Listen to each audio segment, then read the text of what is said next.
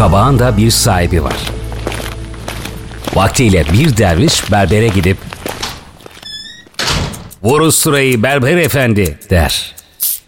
Berber dervişin saçlarını kazımaya başlar.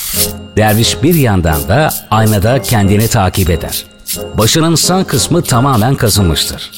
Berber tam diğer tarafı usturaya vuracakken bıçkın bir kabadayı içeri girer. Doğruca dervişin yanına gidip başının kazınmış kısmına okkalı bir tokat atarak Kalk bakalım kabak derviş.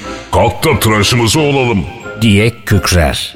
Dervişlik bu. Sövene dilsiz, vurana elsiz olmak gerek. Kaideyi bozmaz derviş. Ses çıkarmaz. Usulca kalkar yerinden. Berber mahcup fakat korkmuştur. Ne de olsa mahallenin kabadayısı. Elinde silah, astığı astık, kestiği kestik. Ne diyorsak o diye ortalıkta dolaşan bir belalı. Ses çıkarmaz. Kabadayı koltuğa oturur. Berber tıraşa başlar. Fakat küstah kabadayı tıraş esnasında da sürekli aşağılar dervişi. Alay eder. Kabak aşağı, kabak yukarı. Konuşur durur. Nihayet tıraş biter, kabadayı dükkandan çıkar.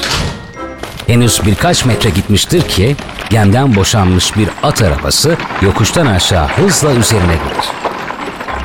Kabadayı şaşkınlıkla yol ortasında kala kalır. Derken iki atın ortasına denge için yerleştirilmiş uzun sivri demir karnına dalıverir. Kabadayı oracığa yığılır kalır. Ölmüştür. Görenler çığlığı basar. Berberse şaşkın. Bir manzaraya, bir dervişe bakar, gayri ihtiyari sorar. Biraz ağır olmadı mı derviş efendi?